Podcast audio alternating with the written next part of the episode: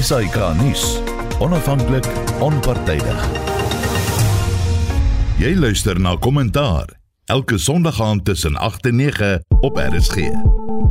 Ja baie dankie. Welkom by Kommentaar. Interessante nuus wat vroeër vanmiddag gebreek het. Die minister van elektrisiteit, Gosienso Ramagopa sê almal sal binnekort slim meters in hulle huise hê. Dis veral gemik daarop om mense se geisers af te skakel sodat krag bespaar kan word. So nie net gaan jy beurtkrag hê nie, jy gaan selfs nou blootgestel word aan beurtwater. Nie goeie nuus nie.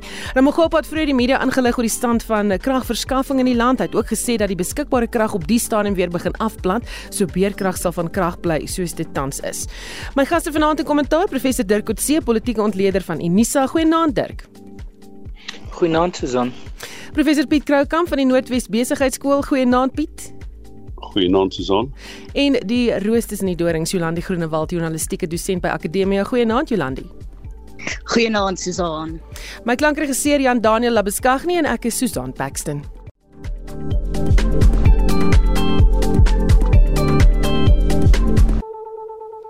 Welkom terug by Kommentaar net weer my gaste professor Dirk Coetzee, professor Piet Kroukamp en Jolandi uh, wat met ons praat Groenewald eerder. En jy kan ook saam praat oor al die kwessies vanaand. Stuur 'n SMS na 45889. Onthou SMS se kos R1.50 gesels saam, lig jou mening, dalk is daar geleentheid om dit te noem. Kom ons begin met die eerste tema, julle Fikile en Balula, die sekretaris-generaal van die ANC sê mense moet die openbare beskermer uitlos. Dit nadat advokaat Koleka Galeka vroeër die week president Cyril Ramaphosa vrygespreek het van die Palapala kwessie. Verskeie oppositiepartye partye het egter gesê hulle gaan die verslag op hersiening neem. Nou Mbalula is veral gekant teen die persoonlike aanval op die openbare beskermer. Is hy regterk? Ja, ek dink so. Ek dink so. Dit is uh daar is baie skerp kritiek wat teen haar uitgespreek word. Ek dink daar is 'n groot mate van teleurstelling. Uh dit kom in die eerste instansie vanaf die verskillende politieke groeperings. Ehm um, en 'n mens begin wonder is die mening wat hulle het in die eerste instansie 'n politieke mening of het hulle na die verslag gekyk? Ehm um, dis 'n verslag van 250 bladsye.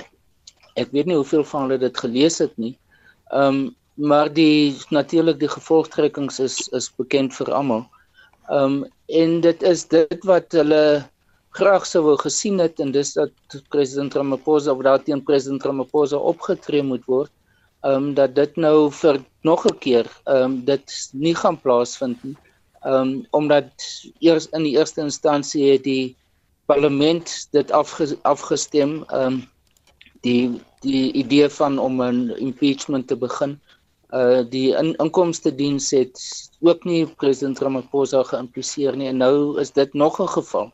So ek dink die die ondersoeke een na die ander is besig om te draai teen die wat glo president Ramaphosa het verkeerd opgetree of laat hy skuldig is of laat hy selfs laat hy oneties of krimineel opgetree het um, en dit word nie beam deur hierdie ondersoeke nie. So ek dink daar's 'n daar was aanvanklik die gevoel dat hierdie is 'n geleentheid vir die op verskillende politieke partye om 'n deurbraak te maak veral voor die verkiesings en om moontlik van president Ramaphosa ontslae te raak en wat ons nou sien is dat dit nie die geval is nie en dat daardie van ag mens kan sê agenda of hoop of of uh, bespiegeling rondom dit alles dat dit nie realiseer nie wat natuurlik vir die meeste partye baie groot teleurstelling is. Hmm. Terwyl jy nou aan die woord is, wat maak jy van die bevindinge soos dit staan in daai verslag? Soos ek dit gelees het en ek het spesifiek na die bevindinge gekyk en die en hoe dit uh, geargumenteer word dink ek sê dit op 'n baie regstegniese benadering gebruik. Ehm um, sy het baie spesifiek gekyk na die mandaat van die openbare beskermer en wat waarna hulle kan kyk en nie kan kyk nie. Nou wat is die die status van ehm um, Palapala as 'n plaas as 'n as 'n geslote maatskappy ehm um, en dat dit nie direk net aan president Ramaphosa behoort nie en dat daar 'n soort van 'n regstegniese status bestaan wat direk in ag geneem moet word want wat hier ter sprake is is dat sy moet uit sy moet 'n verslag lewer wat in eerste instansie regstegnies verdedigbaar is um wat nie 'n politieke uitspraak veronderstel is om te maak nie. Um en wat wat saam met ander wat in die hof getoets kan word. En dit het ons gesien met die die sittende openbare beskermer nog Boesie en Kobani dat dit baie van haar verslae het na die howe toe gegaan. So dit is definitief iets wat in terme van die regsproses en regstegnies verantwoordbaar moet wees. Ek dink sy het in 'n baie hard probeer om dit reg te kry dat sy haarself kan beskerm of verdedig op grond van die haar mandaat en die in die regstatus. So ek dink as 'n mens na alles van dit kyk en dit is iets so ek het ook oorspronklik beskou het wat 'n soort van 'n minderheidsstandpunt is. Ehm um, is begin dit nou meer na vore kom as dat ja president Ramaphosa het waarskynlik verskeie foute gemaak, maar dis nie regstegniese of kriminele of foute soortgelyk wat hom uiteindelik in die hof kan laat eindig nie. Hmm. Jolandi, eh, enigiets van hierdie verslag wat vir jou uitgestaan het? Dit was vir my duidelik dat Arthur Fraser nou 'n bloutjie geloop het met die openbare beskermer. Ehm um, hy het nie goed in die verslag uitgekom nie. Uh sy het gesê hy daar gekom met swaar gewig prokureurs en omtrent al sy kaarte gespeel wat hy gehad het, maar die inligting wat hy gegee het, het net nie gestrook met die inligting wat haar kantoor toe op die ou einde ingesamel het nie. Ehm um, nog een is dat uh Wally Rode 10 teen 1 nog uh die nog voorstok gekry gaan word oor die verslag. So hy is definitief binne die versuur. Maar um Ramaphosa bly polities aan die lewe na die verslag en oppositiepartye se reaksies was glad nie vir my um dit dit was absoluut voorspelbaar. Uh natuurlik gaan hulle die verslag kritiseer want hulle wil politieke punte aanteken. Uh maar ek stem saam met Mbalula dat as hulle die verslag op hersiening neem en die feite voor 'n regter plaas, um dan kan hulle dit daar betwis. Maar die verslag lyk op eerste opslag of dit redelik goed is en wa en waterdig is, maar dit sal nog gesien moet word as dit wel betwis gaan word. Piet, jou indrukke van die verslag?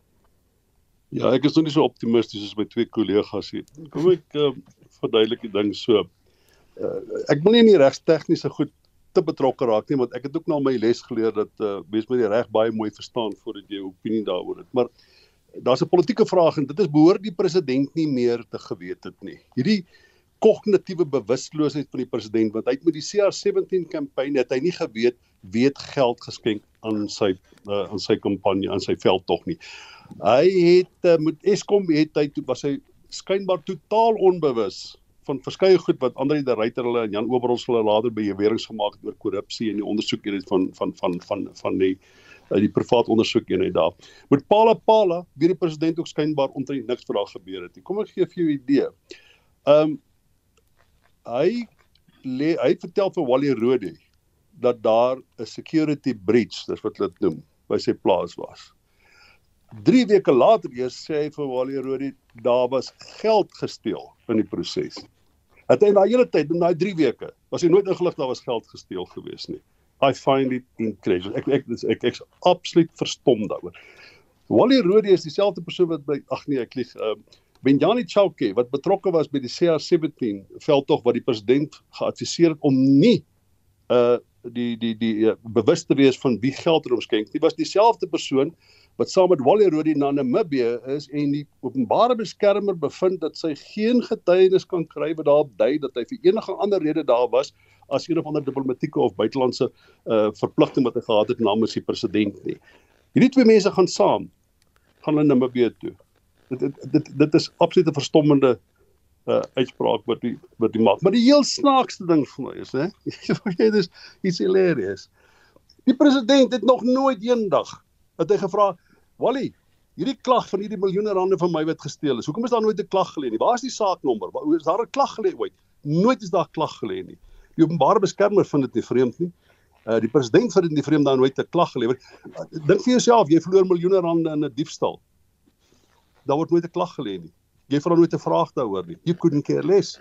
Nou ek ek aanvaar Dirk en Jolande se argument dat daar uiteindelik waarskynlik bevind kan word dat die president niks het om voor te antwoord nie. En dat van hierdie goed is hoor sê getuie. Miskien miskien kom die president nie meer weg. Maar polities moet jy hierdie vrae vra. En ek dink dit is eintlik skokkend dat die president die hele tyd stom dof geslaan is oor wat hom gebeur, totaal onbewus van hierdie goed. Ek sou byvoorbeeld gesê het, "Kerels, ek wil my geld terug hê." Waar is die klag wat jy moet geleë word? Hmm. Enigiets. Dis my opinie. Dirk Ja, ek ek dink die die gedeelte wat gaan oor generaal Rode in die verslag is redelik verdoemend. Um en hy is die een persoon saam met 'n sersant wat in terme van die remediële optrede wat moet plaasvind wat geoormerk is is dat die kom, nasionale kommissaris van polisie moet teen hom optree as gevolg van die punte wat Piet nou na verwys.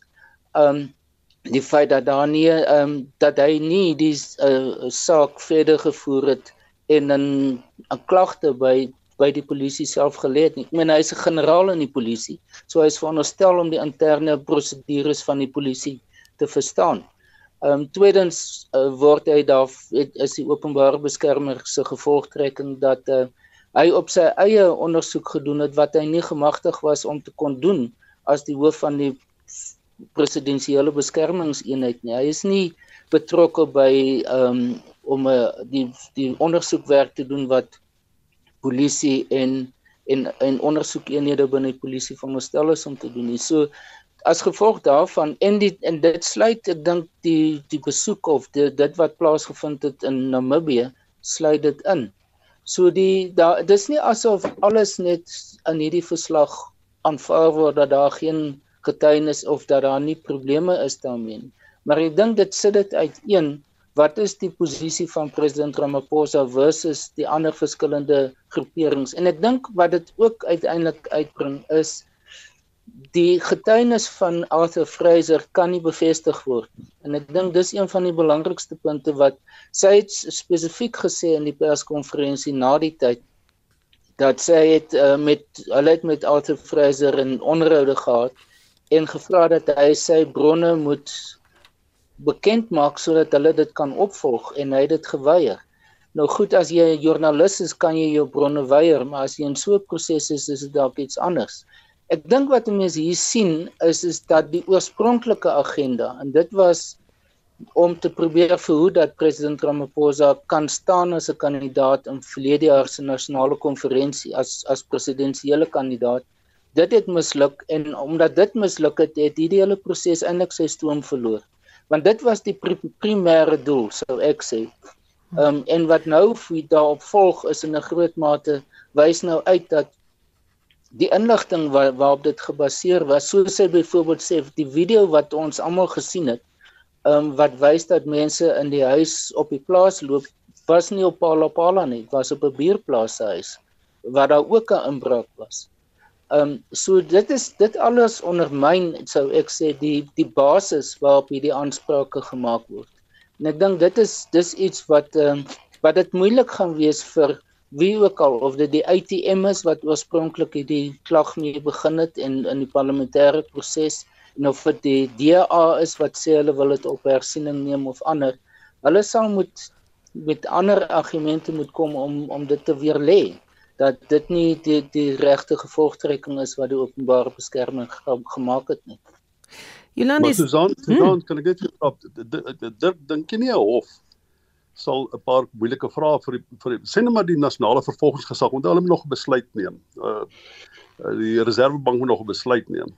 Sal die hof nie 'n moeilike vraag vra vir die president deur hom te vra hoekom hoekom het jy nooit gereageer op die klagte lê nie en dan die afleiding kan maak dat gegee die dinge wat jy ontken waarvan jy bewus behoort te wees, uh begin die oorwig van waarskynlikheid gaan aan die kant toe dat jy waarskynlik geweet het dat jy geweet het dat uh, uh Wally Rode na Namibië toe gaan, uh dat hy dit waarskynlik met jou bespreek het. Um dat jy Benjani Chauke, Benjani Chauke soheen toe gestuur het om met die president van Namibië spesifiek op daai tyd te, te praat. Hierdie hierdie klink alles vrae wat 'n hof sal vra wat wat die openbare beskermer baie duidelik nie gevra het nie. En op die ou end sal in 'n hof sal 'n groter prentjie geskets word van wat van wat daar werklik gebeur het. Ek ek dink net dit is so maklik om te sê wel uh, jy kan nie vir Arthur Fraser vertrou terloops die meeste van ons het 'n baie sterk vermoede wie is uh, Arthur Fraser se bron.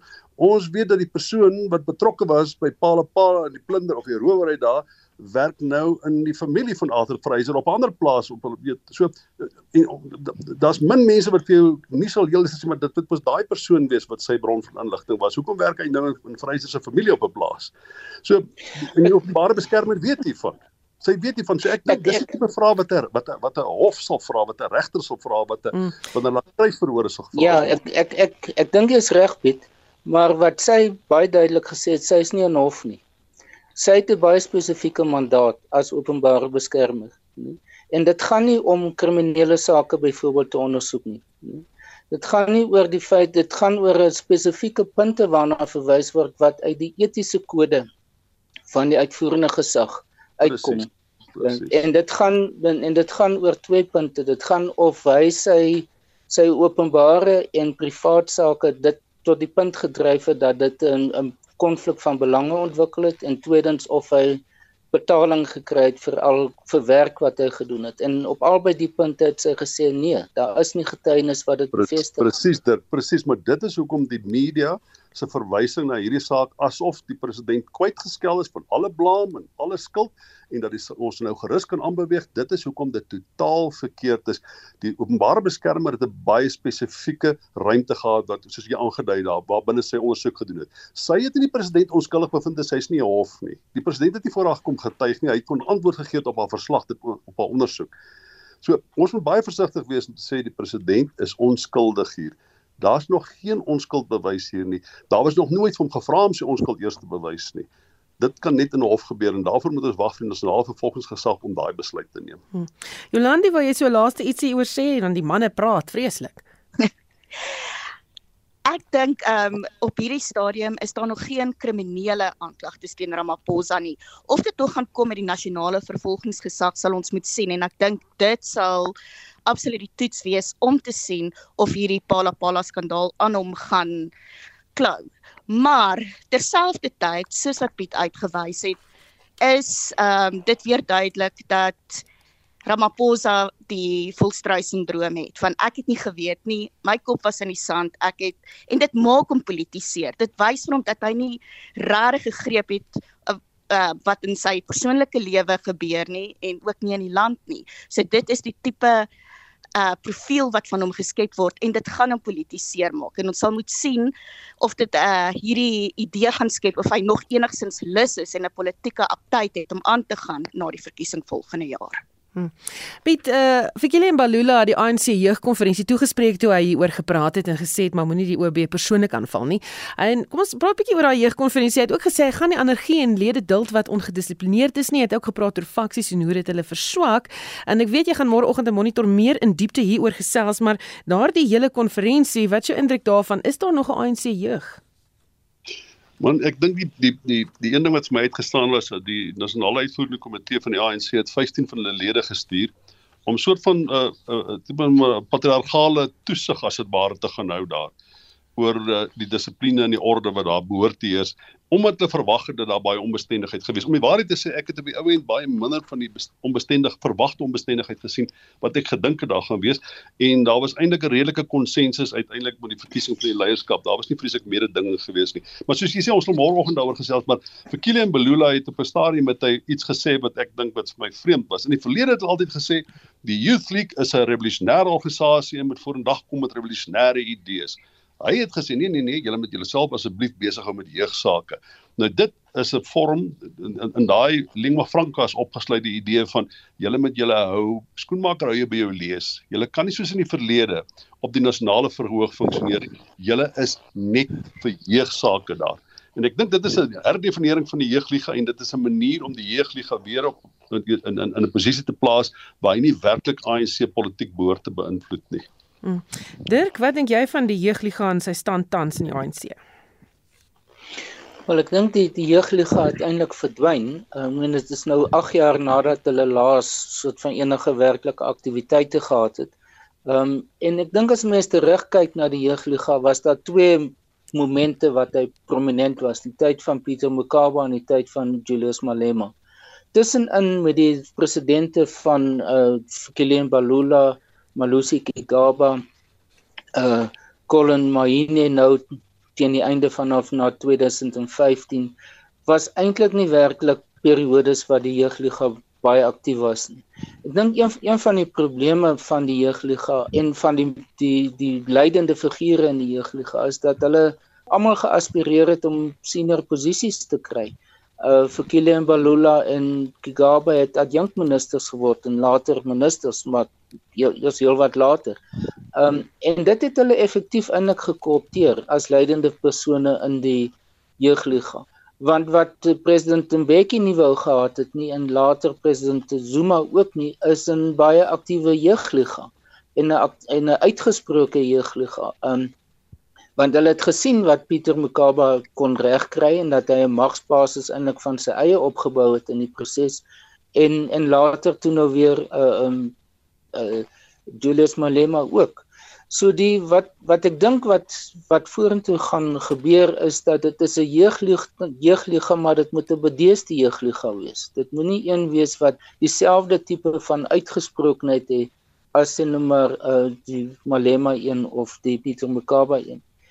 Die die die punt wat ek miskien effens van van uh, Piet wil verskil is is dat daar is nie regtig jeug organisasies, politieke jeugorganisasies wat aktief is nie. Die ANC is 'n goeie voorbeeld. Die ander voorbeeld is daarso in ander groeperings binne die DA. Dieselfde met die Inkatha Youth Brigade. Dit was vroeër jare redelik aktiewe organisasies gewees, maar hulle het almal stil geword. Ton loops die vroue ligas ook, die vroue organisasies. So die die die punt is is dat ek dink wat ons gesien het is is dat die moederorganisasies soveel soveel gewig dra en aantreklik is vir hierdie persone in hierdie uh, verskillende ligas dat hulle nie hulle tyd noodwendig daar wil spandeer nie, maar eerder kyk wat hulle kan doen binne in die in die groter organisasie. In die geval van die ANC het dit ongelukkig beteken dat dit ook die faksies ook oorgespoel het na die jeugliga tot, tot die mate wat dit nog daar was. Um so ek dink die die groot toets vir hulle gaan wees nou is of hulle weer hulle eie stem kan vind um en of hulle weer die rol kan speel. Die daar is ander organisasies, sê maar in die geval van die ANC is daar COSAS wat op skoolvlak uh funksioneer en dan SASCO wat op universiteits en tegnie tegniese uh instellings vlak ook funksioneer. En in baie gevalle is dit is daar soms selfs kompetisie tussen hulle byvoorbeeld as daar studenteraadsverkiesings op by universiteite is en dan is sommige gevalle staan beide die jeugliga en SASCO en dit dit het aan die verlede probleme geskep. So dis die tipe van aspekte wat ek dink wat wat uitgesorteer moet word. Um en dat hulle omdat die groot kwessies van die land op die oomblik raak die jeug baie direk of dit nou is ekonomiese, sosio-ekonomiese probleme of dit is oor opvoeding of dit is oor werkloosheid, al hierdie aspekte is vir hulle groot sake en daarvoor het hulle organisasies nodig wat baie spesifiek daarop moet konsentreer.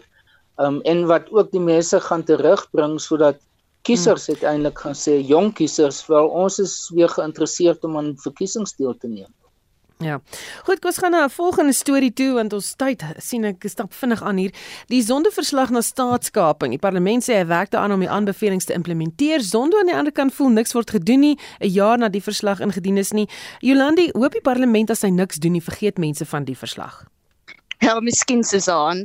Ehm um, ek dink die parlement is maar bietjie omgekrap na die kritiek van Zondo ehm um, dat hy gesê die wetgewers is basies onbeholpe of selfs aandadig aan korrupsie en dat ehm um, hulle dit nie op hierdie stadium lyk of hulle die skip wil of kan omdraai ehm um, van korrupsie nie en dit is nogal 'n erge aanklag teen ons parlement. Ehm um, dit is absoluut duidelik. Die parlement moet rekenskap gee van wat hulle doen, wat hulle gaan doen en hoekom hulle nog niks gedoen het nie om die aanbevelings van die Zondo-kommissie uit te voer. En ja, hulle kan raas en blaas en probeer om die aandag af te lei van wat hulle moes gedoen het ehm um, en van hulle optrede, maar dit staan daar. Ons wil almal weet is hoekom is dit nog nie geïmplementeer nie? En dit is 'n pligsversuim van hulle kant af. Ehm um, ons parlement skuld Suid-Afrika openbare verskoning vir hierdie versuim, glo ek. Piet moet 'n onafhanklike liggaam nie die aanbevelings implementeer of afdwing nie want baie van die wat geïmpliseer word werk ook in die parlement. Ja, maar onafhanklike liggaam sal waarskynlik nie die grondwetlike regte hê om par aan parlement bepaalde voorskrifte te maak of selfs nie uitvoerende gesag. Ek dink die regter Zondo uh, sit sy vinger op een senuweepunt uh, wat baie belangrik is en dwars deur die hele uh, uh, ondersoek van Zondo en die staatskaping proses was daar een funksie jy kan dit reduseer tot een funksie toe in 'n sekere mate. Een funksie wat die parlement verseg het om tot uitvoering te bring en ek aanvaar dit het iets te doen met ons kiesstelsel, die verhouding tussen die ANC en die uitvoerende gesag ensovoorts, maar hulle het hulle grondwetlike verpligting om oorsig te doen oor die uitvoerende gesag het hulle versaak.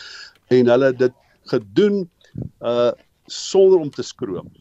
En wat Zondo sê as jy kyk nou wat gebeur, dis weer dieselfde storie, die president word beskerm die uh, ministers word beskerm. Daar's nie behoorlik in die komitees behoorlike die ANC laat eenvoudig nie toe dat die lede van die uitvoerende gesag of lede van die ANC behoorlik deur komitees ondersoek word. Die komitees doen nie onafhanklike werk nie. Dit is nog steeds partypolitiek wat die regerende party as dit ware ondersteun en beskerm. En dit is baie duidelik. Jy het dit gesien die laaste uh, laaste jaar of net minstens die laaste jaar sedert die uh, gesonde verslag bekend gemaak is.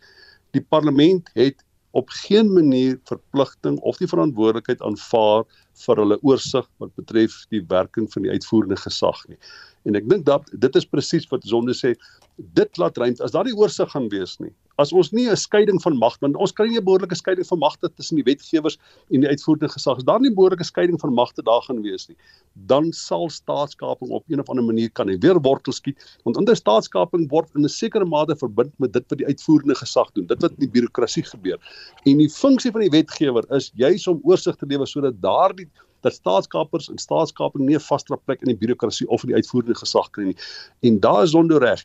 Ek sien nog niks wat die die die, die gedragspatroon, die werkswyse van die uitgee ag van die nasionale wetgewers op een of ander manier dat dat hulle so uh aandag daaraan gee deur te sê ons is veronderstel om seker te maak dat die uitvoerende gesag of die birokrasie of hierdie hele supply chain van van van misdaad en korrupsie nie weer posvat binne in die birokrasie of binne die uit eh, die die uitvoerende gesag nie.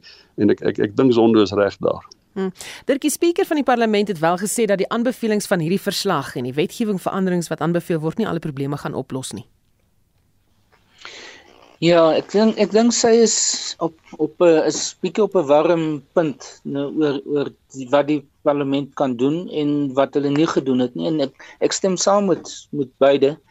Piet en Jolandi oor, oor oor wat hulle sê oor dit oor die idee van van oorsig um en die rol van byvoorbeeld portefeulje komitees en ander komitees van die parlement wat in die verlede as mense terugdink dikwels um ministers laat wegkom met amper met sogenaamde politieke moord um en dat hulle nie tot die punt gekom het waar hulle dit 'n besluite geneem het wat wat dit wat opgevolg moes word nie. Ek dink een groot be, belangrike of 'n goeie voorbeeld van 'n uitsondering is die uh, gesamentlike komitee oor openbare rekeninge wat histories gesproke die voorsitter nog altyd vanuit die uh, oppositieparty moes kom. Um, op die oomblik is dit nou die voorsitter uh, die persoon kom kom uit in karte uit. Um, en ek dink dis 'n tipe van 'n voorbeeld wat wat die parlement aan moet dink. Ehm um, ek dink wat wat Piet sê wil ek op bietjie uitbrei en dit is nie om te sê ek dink die, probleem is nie net prosedures binne die parlement nie, maar dit is ook 'n kultuur. Ehm um, die probleem dat die die ministers kom uit die ANC en die meerderheid van lede van hierdie komitees is ANC. So dit is dis moeilik vir hulle om hulle eie senior persone dus te aan te spreek of uh, in in sommige gevalle te sê wel verduidelik vir ons wat hier aangaan want hulle is bang wat hulle hulle eie politieke toekoms vorentoe gaan wees. En dis nie noodwendig 'n Suid-Afrikaanse ding nie. Dit is veral in Westminster stelsels, die Britse stelsels ook is dit 'n probleem wat ons nie het nie is die agterbankers, die soort die soort van onafhanklike agterbankers. Om een of ander rede en waar dis as gevolg van die politieke stelsel en die kiesstelsel ontwikkel dit nie. Maar dit is eintlik waar die oorsig um funksie of die oorsigrol van die parlement um kan ontwikkel en ek weet nie of deur wetgewing of deur nuwe prosedure trials te skep of wat of dit werklik daardie oplossing gaan wees nie. Ek wil een ding bysit bysê en dit is dat die aanbevelings van die Zondo-kommissie is natuurlik nie bindend. Dis 'n presidensiële kommissie wat verslag gedoen het aan die president. Uh, dis nie soos die openbare beskermer wie se remediële uh uh gevolgtrekkings moet geïmplementeer word. Ek meen ek dink byvoorbeeld aan twee uh aanbevelings van die Zondo-kommissie wat ek persoonlik dink nie geïmplementeer moet word. Die een is is gaan oor die verkiesing die die verandering van die kiesstelsel dat dit moet kiesafdelings in insluit en tweedens dat die president direk verkies moet word. Op sigself het dit waarskynlik meriete, maar nie as 'n produk van hierdie kommissie nie want sover as ek kan onthou was daar geen getuienis wat aan die kommissie gelewer is oor hierdie twee punte nie. Ja. So waar dit vandaan kom is vir my moeilik om te verstaan en om dit dan amper af te dwing dat die parlement dit moet implementeer dink ek nie is wat die kommissie se se magte is nie. Hmm. Dirk ek ek, ek dink Dirk is reg, maar ek dink die uh, wat sonde miskien en ek ek is heeltemal reg. Ek ek dink ook miskien miskien nie daai spesifieke punte so sterk gemaak het nie. Maar daai albei daai punte is in verwysing na oorsig en die onafhanklikheid van hierdie verhouding tussen die verskillende uh, uh, so noem dit maar arms of law van van gesag met ander woorde tussen die wetgewer en in die en en en en en die uitvoerende gesag. Dit is 'n manier wat wat hy sê ons sal aan en en, en, en hy's heeltemal reg soos Dirk vroeër aangedui het, indien ons nie die kiesstelsel verander sodat die lede van die parlement wat daar sit nie uiteindelik hulle werk kan verloor omdat hulle vir die die minister op 'n of ander manier aan verantwoordelik hou nie, gaan dit is dit onmoontlik vir die parlement om sy werk te doen. Dit is eenvoudig nie moontlik om behoorlike oorsig te doen nie. So ek dink wat Sonne probeer sê, ons sal aan op 'n of ander manier moet torring aan die kiesstelsel as ons hierdie probleem wil oplos. Maar nie nie net 'n laaste ding, ek ek verstaan ek ek weet dat hierdie komitees en kommissies vir ondersoeke die, die president en niemand is gebind tot die implementering daarvan. Ek verstaan dit heeltemal. Maar hierdie staatskaping kommissie, daar's groot konsensus binne die ANC, binne die uitvoerende gesag, binne die wetgewers dat hierdie kommissie is van kardinale belang in 'n poging om ons demokrasie en ons grondwet te red van staatskaping. Daar's 'n normatiewe morele verpligting op ons om baie spesifiek op te tree in 'n poging om die die, die onderliggende waardes van die grondwet te red en om die die die die, die spelreëls van die politiek op 'n of ander manier te red. Dit is nie net 'n kommissie wat ons gekyk het wie skuldig en wie onskuldig nie. Hierdie gaan oor die om demokrasie te red van die verval wat staatskaping en die plundering en die korrupsie bring wat hoofsaaklik gedryf word deur die regerende party.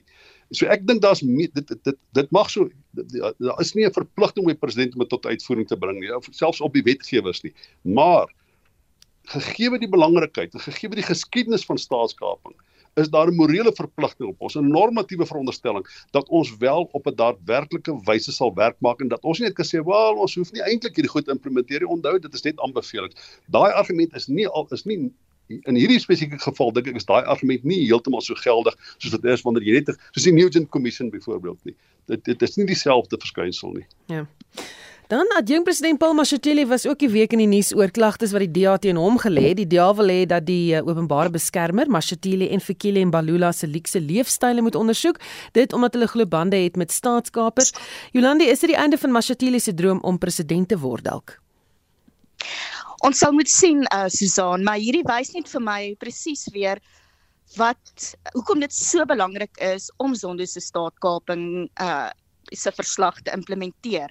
Want as ons dit nie doen nie, as ons nie kyk na hierdie verskeidelde belange soos wat Mashatile met 'n staatskaper wat nogal redelik ontbloot is in die Zondo-kommissie Edwin Saudi. Ehm um, het nie dan gaan ons weer met 'n sta staatskaping 2.0 sit op die ou einde. Dit is daar's baie vrae uh, rondom Mashatile. Uh die uitspattige lewe van Weelde het News24 redelik mooi uitgelê. Um, en Edwin Saudi is geen um onskuldige man nie.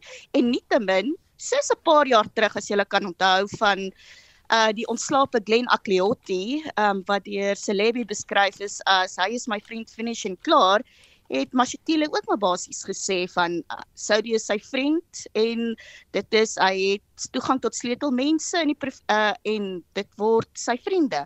Dit is net nie goed genoeg nie en ek dink daar is heeltemal te veel vrae oor Mashatile voordat hy kan dink aan sy ambisie om president te word. Dirk Mashatile sê nee, daar steek geen waarheid hierin nie, is sy hande werklik skoon. Ek dink die die alles rondom Paul Mashatile skep baie vrae. Ehm um, daar's baie onsekerheid oor wie en wat hy is en wat sy politieke agenda is en met wie hy bande polities gesproke net. Met praat nie eers van die, die ander nie. Ehm um, en wat wat gaan 'n 'n president Mashatile uiteindelik beteken? So daar's daar is definitief binne en buite die ANC is daar baie groot onsekerheid daaroor en dit skep 'n groot mate van ongemak uh oor oor wat spesifiek te sprake is. Ek meen byvoorbeeld net hier in Gauteng is daar baie bespiegeling dat hy en die premier en uh van van die ALR het baie sterk bande met die EFF het en dat hulle eintlik die koalisie met die EFF binne die ANC tot 'n groot mate dryf. Um of dit uiteindelik Weereens ek meen om terug te kom na ons ons vroeëre gesprek oor die openbare beskermer of die openbare beskermer die instelling is wat werklik hierdie saak kan hanteer is ek nie 100% seker oor nie. Um omdat die openbare beskermer se mandaat is relatief beperk. Um en en dit sal dit dit hierdie gaan meer oor spesifiek behalwe as soos ek as daar spesifieke verwysings is na waar hy ehm um, wetgewing wat te maak het met ehm um, bestuur of e die etiese kodes van die parlement of van die uitvoerende gesag ehm um, waar dit oortree het. Maar as dit gaan oor oor verhoudinge met sakemense en so aan dit is iets wat ek sou sê in die algemeen meer etiese kwessies is. Um, en ons het nie baie goeie instellings wat wat so iets kan hanteer nie. Maar ek dink dit is dit dit het dit is nodig dat dat dat daar aandag aangegee word. Ehm um, die ANC self het natuurlik nie daardie tipe van infrastruktuur nie. Die integriteitskommissie het, is nie gerad om so iets te kan hanteer nie. Ehm um, so ek weet nie presies of hierdie versoek of hierdie plan van die DA en ander groeperings of dit werklik 'n toekoms het nie of dit op iets kan uitloop hmm. nie. Maar wat dit wel doen is dat dit plaas druk op Paul Mashatile en hy waar hy in die verlede nog nog redelik weggekom het met baie en eintlik relatief maklik tot by die punt gekom het van 'n um, adjunkt president. Verlede jaar by die konferensie het hy dit ehm um, was hy 'n relatief uh het baie ondersteuning gekry. En maar nou dink ek begin dit meer problematies vir hom word. En en dis goed want hierdie tipe van ondersoeke en vrae is baie nodig. Ons het nie 'n tweede Zuma of 'n tweede ehm um, verskeie ander persone nodig wat ons beleef vir die afgelope 10 jaar nie. Piet die die DRC in Jolandi het ook daarna verwys hierdie is die ontstaan van staatskaping 2.0 wat's jou indrukke? Luister, daar's niks wat 'n uh, News24 ek ek ek ek, ek dink hulle doen goeie werk. Ek dink eerlikwaar hulle moet dis uh, dis die regte ding om hierdie ding uh, in, in, in onder 'n soeklig te plaas die hele ding. Maar nie 'n enkele ding, nie 'n enkele bewering wat hulle maak is nie alreeds vir meer as 'n paar jaar in die media nie. Ons weet dit al lankal. Al hierdie goed weet ons al lankal. Uh die fokus is nou op hom omdat hy die adjunkt president is. So ek maar ek ek dink dis heeltemal reg dat die lig op hom moet skyn. Moet dit net asseblief nie as uh hierdie diep gewortelde ondersoekende journalistiek wat ons nou gedryf het in ons die volgende het ons ontdek en hy moet asseblief daarop antwoord. Daar is niks wat hulle sê en ek dink dit probeer ek dit by implikasies sê. Niks wat hulle sê kan hom uiteindelik tot by hof bring nie. Dis oneties. Dit mag so wees. Hy het kriminele vir vriende. Ek dink die belangrikste punt is hierdie persoon is nou aangekla. Met ander woorde, hy moet in 'n hof verskyn vir sy korrupsie.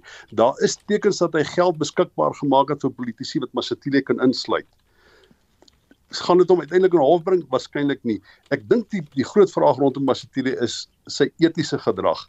Maar hy gaan definitief nie in 'n hof verskyn nie en binne die ANC, dit waarvan Masatile aangekla word, is normale praktyk dit word nie beskou as korrupsie nie en dit word nie eens beskou as noodwendig verkeerd nie. So die waarskynlikheid dat hy voor 'n komitee van die ANC gaan verskyn en eintlik homself moet verklaar is baie baie onwaarskynlik. Hierdie is normale gedrag. Die helfte van die ANC, 2/3 van die ANC het aansienlik groter oortredings begaan as wat Paul Mashatile of minstens wat ons weet waar hy skuldig gemaak het. Dit is so hoe as, sê net maar dit is waar die beweringe wat vrouens maak dat hy hier vir ons 200 000 rand gegee, daar vir ons 500 000 rand gegee. Ons het gesien hy het nie daai op daai stadium daai tipe salaris verdien nie. Dit was onder sy bestuur, Paul Mashatile se bestuur en ook uh, Zwelin Kisi se bestuur by die ANC omtrent totaal bankrot gegaan het. Wat het van daai geld geword wat op daai stadium in die ANC se se fiskus moes gewees het? Jy kan al daai vrae vra. Daar's geen bewyse teen hom nie. Goed, net hierna praat ons oor BRICS, Oekraïne en die weer wat gemanipuleer word in KwaZulu-Natal bly ingeskakel.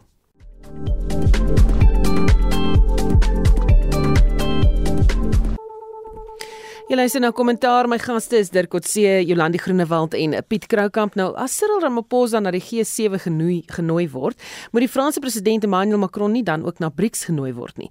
Dis die vraag in die Daily Maverick nadat Macron aangedui het hy wil die BRICS beraad bywoon. Dirk baie beskryf hierdie as 'n toets vir Suid-Afrika en BRICS wat daarop aandring dat dit 'n neutrale liggaam is wat ontwikkelende lande wil help om te groei. Is hierdie 'n toets? Ja, in 'n sekere sin ja, en die eerste rede hoekom dit 'n toets is is omdat Rusland het reeds aangedui hulle is daarteen. Ehm um, so dat gaan dit gaan 'n toets ook wees van Suid-Afrika se verhouding met met Rusland, maar ook 'n toets as voorsitter van BRICS. Ehm um, te, terwyl terselfdertyd weet ons dat daar die die byeenkoms van BRICS gaan moontlik bygewoon word deur ten minste 10 of meer gaste van BRICS en wat moontlik 'n nuwe lede van BRICS gaan word. So dit is die daarvan dat daar net 5 uh, lande of staatshoofde is en en eerste ministers is wat rondom 'n tafel sit en BRICS sake bespreek is verby. Uh dis 'n nuwe tipe van 'n BRICS wat in die pipeline is. Um en ek dink wat wat president Macron sê is dat hy probeer om die verdelingslyne wat daar nou oor tyd ontwikkel het en veral wat rondom die oorlog ontwikkel het, wil hy probeer verbreek. Uh, hy was nog altyd binne die Europese konteks een van die staatshoofde wat 'n bietjie weggebreek het uit die bestaande gedragspatrone. Hy byvoorbeeld was is is een van die lede van die die kern in Europa wat bereid is om met Iran nou en dan te praat en te praat oor die moontlikheid van onderhandelinge wat die ander Europese lande nie wil doen nie. So dit So ek dink wat wat hy probeer doen en ek het nou onlangs verlede Sondag jy's uh, vir Riet Zakaria het 'n onderhoud met hom gehad en waar hy baie spesifiek gesê het dat hy wil hy sien Europa of hy wil Europa sien as 'n groepering wat meer onafhanklik, meer op sy eie moet staan, meer onafhanklik moet ontwikkel en nie net altyd in samehang met die met Amerika nie omdat hy wil sien dat daar in Europa moet ontwikkel wat sy meer van sy eie identiteit het. En ek dink wat hy wat hy hier in gedagte het is om ook soort van voelers uit te steek na ander formasies wat besig is of wat in die pipeline is om te ontwikkel en BRICS gaan definitief een daarvan wees. Ehm um, Indië is 'n nader as 'n nog 'n groot nuwe fokuspunt wat besig is om te ontwikkel. Ehm um, saam met China en van die ander lande natuurlik. So die die wêreldomgewing is is besig om baie vinnig hergedefinieer te word om nie te ontwikkel en ek dink dit maak die die Franse idee om deel van om uit te reik na BRICS toe maak dit so soveel interessanter. Ehm um, en breek die soort van die bipolêre uh, verdeling wat daar wat baie mense sê nou ontwikkel het, probeer dit afbreek. Um en om om meer oorkoepelend te wees wat wat ek dink op die langtermyn 'n baie 'n goeie idee sal wees om die polariteit te probeer verbreek. Jolandi, wat is die kans dat BRICS wel vir Macron sal nooi? Dis moeilik om te sê, Susan. Ehm um, ek dink aan die een kant wil hulle graag bewys hulle is 'n neutrale vennootskap om die ontwikkeling van opkomende lande objektief te bevorder. Maar ehm um, kan mens iemand toelaat as iemand wat so groot 'n lid wat 'n baie groot rol speel in BRICS, naamlik Rusland, so gekant is daarteen om vir Macron te nooi. Ehm um, sal hy ooit welkom wees? Ehm um, dis alles vrae wat ons sal moet sien hoe dit nou gaan uitspeel voor Augustus en uh of Suid-Afrika wat ook redelik goeie bande het met die Franse. Ehm um, uh, dit verder sal uitbou en hom tog hier sal toelaat en uitnooi. Ons sal maar moet sien. Piet baie ontleeders meen ook verder dat die BRICS of dat BRICS 'n meelsteen meelsteen om Suid-Afrika se nek raak eerder as 'n voordelige liggaam om aan te behoort. Dink jy wat dink jy hiervan? Ja, want dit is 'n politieke instelling. Dis nie solank dit nie 'n handelsooreenkoms is nie. De, uh dink ek is sal die waarde daarvan relatief min wees. Uh, as ek net vinnig na jou na, na Macron se posisie kan verduidelik. Ek ek ek ek ek wonder wat in sy frontale lob aangegaan het toe hy daai behoefte uitgespreek het. Sover ek weet en dit kan my reg help in Jolande as ek dalk verkeerd is, het hy nie gesê ek wil lid word van BRICS, hy het gesê ek wil ek wil ek wil na die BRICS vergadering toe kom in Suid-Afrika. Ehm um, hy moes geweet het Onthou hy het onlangs het hy na 'n besoek aan Xi Jinping uh, na hulle gesprek gehad het, het hy die die behoefte uitgespreek dat Europa moet so half meer uh, identiteit soos wat Dirk aangedui het van leie ontwikkel. Ek verstaan dit. Dit is 'n manier om die verhouding te balanseer tussen Frankryk en en en China en ek dink tussen die westerse wêreld en 'n sekere sin in China. Daai klop alles vir my. Maar hy moes geweet het dat hierdie uitspraak van hom gaan 'n doelbewuste of gaan gesien word deur Vladimir Putin in Rusland as 'n doelbewuste poging om 'n bewig in te dryf tussen China en uh, en en en en en en, en Rusland. Uh hy moes geweet het dat dit is nie moontlik vir Rusland om na BRICS toe te kom terwyl 'n lid van NAVO moet weer in effek dat hom wat Rusland betref in 'n oorlog verkeer, staat van oorlog verkeer, dat Rusland op by, by BRICS kan opdaag wanneer so iemand toegelaat word daar ongenooi nie as 'n lid nie. Dit verseker hierdie die die die wigte en teenwigte is net nie behoorlik gekalibreer nie. Hoe Macron gedink het, weet ek nie, maar ek ek ek koop nie die idee dat dit 'n 'n goeie wil en goeie trou van hom is om te kyk kom ons uh, Europa en BRICS vind op 'n of ander manier nie by aanklank by mekaar nie. As Rusland en Vladimir Putin dink hierdie is 'n opportunistiese poging om 'n wig in te dryf tussen die lede van BRICS en ons te isoleer, I buy that. Ek koop dit. Hmm. Nou gepraat van Frankryk, eh, die gewelddadige betogings daar, poging om die huis van 'n uh, eh, burgemeester aan die brand te steek tydens 'n 5de nag van landwyse onrus in Frankryk is wyd veroordeel.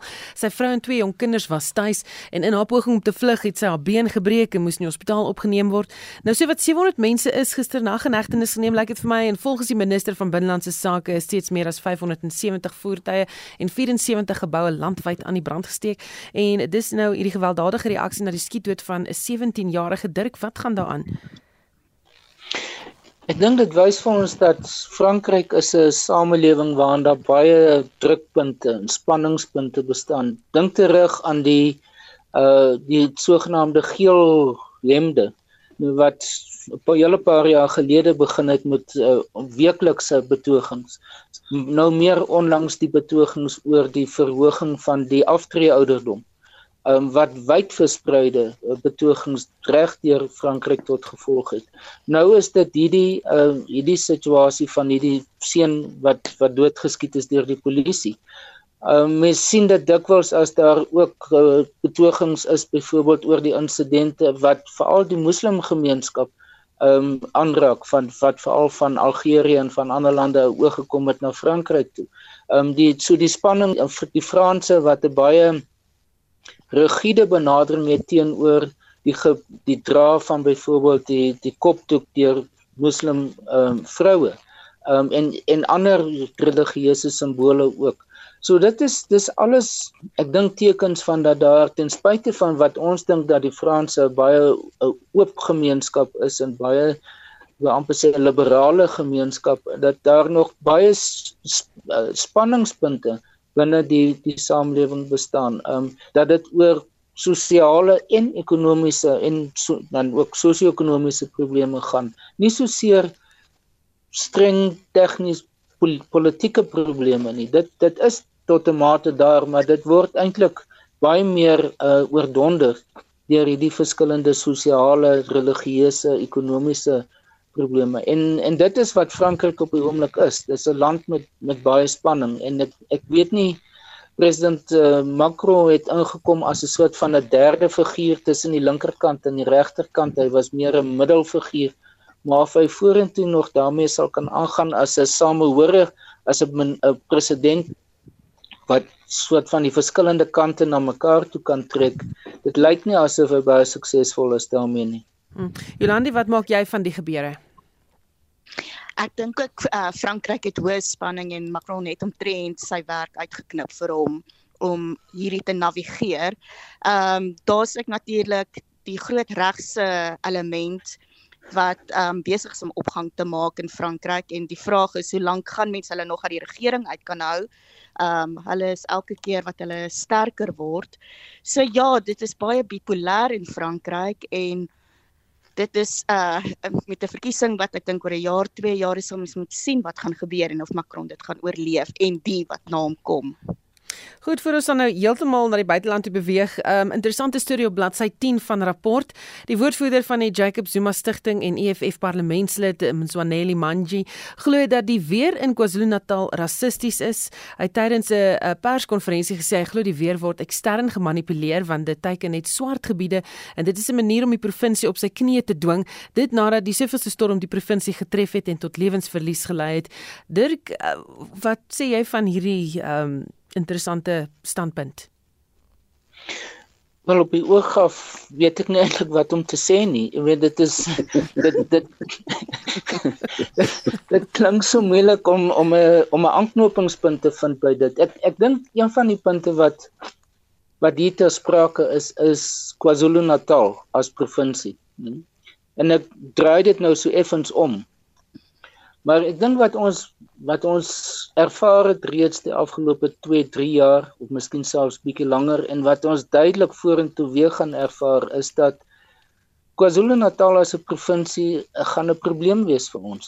Ehm um, dit is dit het politieke probleme, dit het ekonomiese probleme en dit is sedert president Zuma en veral nou na die nadat hy sy tyd as president nou verby is, um, is daar dink ek 'n gevoel van dat polities gesproke is KwaZulu-Natal gemarginaliseer in die Suid-Afrikaanse konteks, maar veral binne die ANC. Met hierdie uh, jeugliga konferensie nou was dit of amper dat omtrent al hulle uh, afgevaardigdes gediskwalifiseer sou wees um, om te kon deelneem aan die konferensie. Daar's organisatoriese verduidelikings daarvoor. Um en dat dit terselfdertyd eintlik blyk asof binne die ANC self, né, binne die top 7 van die ANC is daar is, is KwaZulu-Natal nie verteenwoordig nie. Ehm um, so daar is 'n mense sal soms sê en ek dink ook dat daar moontlik meriete is in die idee van die dink dit wanneer was dit 2021 Julie middel 2021 se se opstand of se ehm um, betogings of wat mense dit ook al wil tipeer ehm um, dat dit nie net gegaan het oor die feit dat president Zuma moes tronk toe gaan nie, maar dat dit eintlik simptomaties was van die die frustrasies wat daar binne KwaZulu-Natal bestaan. Ehm um, oor aan die een kant was hulle die middelpunt van Suid-Afrika en hulle gemoed gewees tydens die Zuma jare. Nou is hulle skielik het hulle dit nie meer nie. En ek dink ons sal dit moet dophou uh oor hoe KwaZulu-Natal as provinsie en ons weet nou dat die Zulu koning is daar ook nou stories oor of hy of hy siek is en of hy nie siek is nie en of hy vergiftig is of nie vergiftig is nie. Dit alles kom by mekaar uit, né? En dit dit skep 'n soort van 'n psigose van dat ons is onderdruk in KwaZulu-Natal en ons moet vir onsself veg. So ek dink wat wat ons nou gehoor het oor die weer is in 'n sekere sin die frustrasie wat weens ander faktore wat nou op hierdie manier uitgekom het. Piet, uh, jou gedagtes oor die weer in KwaZulu-Natal? Ja, ek kyk ek ek het ek het redelik toegang tot die gode van die weer en uh, ek moedig hulle aan om kwaad te wees oor dit wat in KwaZulu-Natal gebeur en wat in Staatskaap gebeur. Om die waarheid te sê, uh, my onlangse mees onlangse nuus is dat hulle spesifiek die gode van die weer spesifiek besluit het om vir uh Mzwalnele man jy te tuister met onlogika en met 'n gebrek aan goeie oordeel. Ek dink hy het 'n volledige verstaan van die probleme van die woede wat die gode in die weer het uh, vis-à-vis mense soos hy en en wat in KwaZulu-Natal gebeur. Maar ek dink Dirk, as ek nou met akademies daaroor wees, het Dirk nou baie mooi opsomming gegee dat die onbestendighede in binne die ANC, die onbestendighede in KwaZulu-Natal baie spesifiek, moet daai provinsie nou al begin laat voel dat what are we doing wrong? Wat doen ons verkeerd ons is gemarginaliseer binne die ANC? Uh die onbestendighede, die tenstredighede in die politiek binne in KwaZulu-Natal is van so 'n aard dat die die, die idee nê, onthou julle KwaZulu-Natal uh, uh Botelesi het in die 1994 het hy gepraat van groter, noem dit nou maar gesag, onafhanklikheid as dit ware vir KZN ek dink daai vraag begin selfs binne die ANC moet moet moet moet moet KZN nie maar 'n provinsie van sy eie word. Moet nie maar 'n land op sy eie word. Dis amper soos die exit exit Cape verskynsel. as daar binnekort nie sterk stemme binne die ANC kom of binne verskillende partye kom in KwaZulu-Natal dat hulle verdien om 'n uh, uh, as 'n ware staat op hulle eie te word nie, sal ek baie verbaas wees want hulle word inderdaad deur die weer getuister op vreemdsoortige maniere. Jolandi, die weer. Ja, Susan. Ehm um, KwaZulu-Natal het ontwikkelingsprobleme uh, soos wat Piet en Dirk uitgewys het. Daar's geen samesweringsteorie nie. Dis ook die geskiedenis wys duidelik dat natuurrampe deur die armstes gevoel word. Eerste en hulle wat nie genoeg geld het om veerkragtigheid te bevorder om hulle teen die elemente te beskerm nie. So Klimaatsverandering verslaa waarsku ons nou al lank dat die armstes in ons samelewing op die voorgrond gaan wees vir die ergste wat die weer vir ons gaan opdis. Dis mos nou logies dat 'n goed geboude huis 'n tornado baie beter gaan kan trotseer as 'n huis wat uit sink gemaak is. En ook weerlose mense wat hulle in riviere gaan vestig, ehm um, in vloedlyne en as die vloede kom, dan verloor hulle hulle huise uh dis al hierdie tipe dinge wat KwaZulu-Natal mee sukkel is die ontwikkeling daarvan. So die vraag is ook waar word veerkragtigheid en weerbare infrastruktuur gebou? Is daar waar daar 'n goeie uh um tenderstelsel is. Ek praat nie van die tenderpreneurs wat dit oorneem nie, waar die infrastruktuur gebou word en waar daar geld is. Daar gaan die uh elemente nie die mense so erg affekteer nie. Maar uh KwaZulu-Natal met sy ontwikkelingsprobleme is op die voorgrond en uh van klimaatsverandering alles wat daarmee saamgaan en dit baie is baie goeie punt. Dis 'n baie goeie punt wat jy nou maak. Ja, ek dink dis presies wat dit is. Goed, ons en, ja, gaan voort. Nee, ek, ek net sê dit gaan nie beter word tensy daar ernstige geld geïnvesteer word sonder dat daar ehm um, skandale is met hoe die geld aangewend word nie. Hmm. En daarmee het ons tyd nou so half tot 'n einde gekom. Um, hier's net so een opmerking op die SMS lyn wat ek dink ons moet na kyk. Iemand wat sê my magtig hier's 84 moorde per dag en jy verwys na een seun in Frankryk. Jammer onnoosheid is nie 'n siekte nie, sê Joubert wat so sê. Maar is dit nie juist die punt hoekom ons na hierdie storie moet kyk nie, Piet? Een persoon is dood en kyk die reaksie. Hier by ons knip ons omtrent nie eens meer oog nie as jy so vinnig wil antwoord. Nee, ek ek ek ek, ek verstaan wat, wat sy argument probeer wees, maar mens moet nooit probeer om verskillende insidente te vergelyk asof hulle ekwivalente is vir mekaar nie. Albei van hierdie is is wat hulle in Engels noem 'n atrocity. Hmm. Maar om die een om om om te sê maar jy moet aan beide dieselfde aandag gee, anders miskien jy die ander een is mos net nie 'n goeie argument nie. Ha, sê en daarmee sluit ons kommentaar of af. Dankie dat jy saam geluister het. My gaste was professor Dirk Coetzee, politieke ontleder van Unisa, professor Piet Kroukamp van die Noordwes Besigheidsskool en Jolandi Groenewald, journalistieke dosent by Akademia. My klankregisseur Regisseur is Jan Daniel Labeskagni. My naam is Susan Paxton. Bly ingeskakel op RSG.